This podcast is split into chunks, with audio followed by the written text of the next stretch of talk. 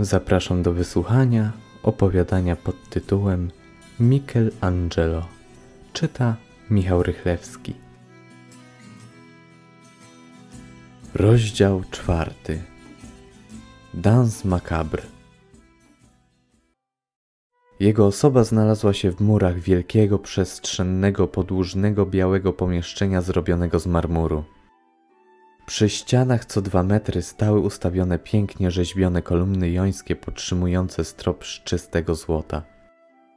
Między nimi zaś wesoło grały sobie szkielety na przeróżnych instrumentach, począwszy od plastikowych trąbek, po solidne, lekko zardzewiałe saksofony. Natomiast on, trzymając w dłoni parę swoich butów, postanowił dostać się na drugi koniec pomieszczenia, gdzie ujrzał portal zachwycający swoim kunsztem architektonicznym. Ruszył, a jego krokom akompaniowały kościotrupy wygrywające I love you baby wielkiego Sinatry. Bose stopy z kroku na krok stawały się coraz to zimniejsze, a wraz z nimi stopniowo chłodniejsze stawało się jego ciało. Wkrótce był zimny jak śniegi Syberii, poza jego sercem, które dogorywało w żywym ogniu, w chwili jak tylko przekroczył próg nowego pomieszczenia. Niczym ono się nie różniło od poprzedniego, oprócz tego, że było zdecydowanie mniejsze. Na samym jego środku, na czarnym, błyszczącym pianinie, w białym garniturze grała kostucha. Prawicą gniotła wypalony materiał w miejscu, w którym normalny człowiek posiada tak ważny organ jak serce. Lewą ręką zaś z gracją pieściła klawisze instrumentu, który w zamian śpiewał dzieło Bobiego Wintona pod tytułem Mr. Lonely.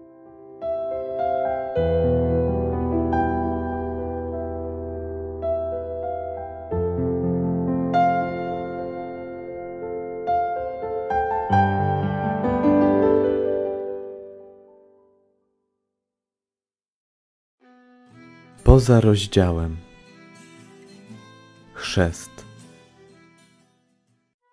Po opisaniu tych trzech snów zdecydowałem, że ktoś takiego pokroju jak on potrzebuje oraz zasługuje na imię. Spędziłem długie dnie, by wybrać odpowiednie. Jako iż nasze dusze są duszami artystów, postanowiłem nadać mu imię, które jest naszym imieniem.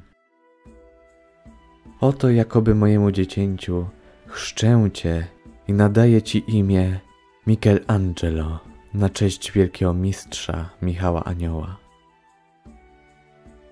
Myślę, że trochę mi zajmie, zanim przyzwyczaję się, że w końcu ma jakąś nazwę. Zresztą nie byle jaką. Taką, która dostarczyła mi kilku nowych określeń na tegoż Ancymona, typu Michel, Michello czy Anioł. Natomiast część poprzedzającą to ostatnie sformułowanie zostawię sobie. Teraz jednakże jestem ciekaw, jakie przygody przyniosą przyszłe nocne mary. O wszystkich poinformuję w następnych rozdziałach.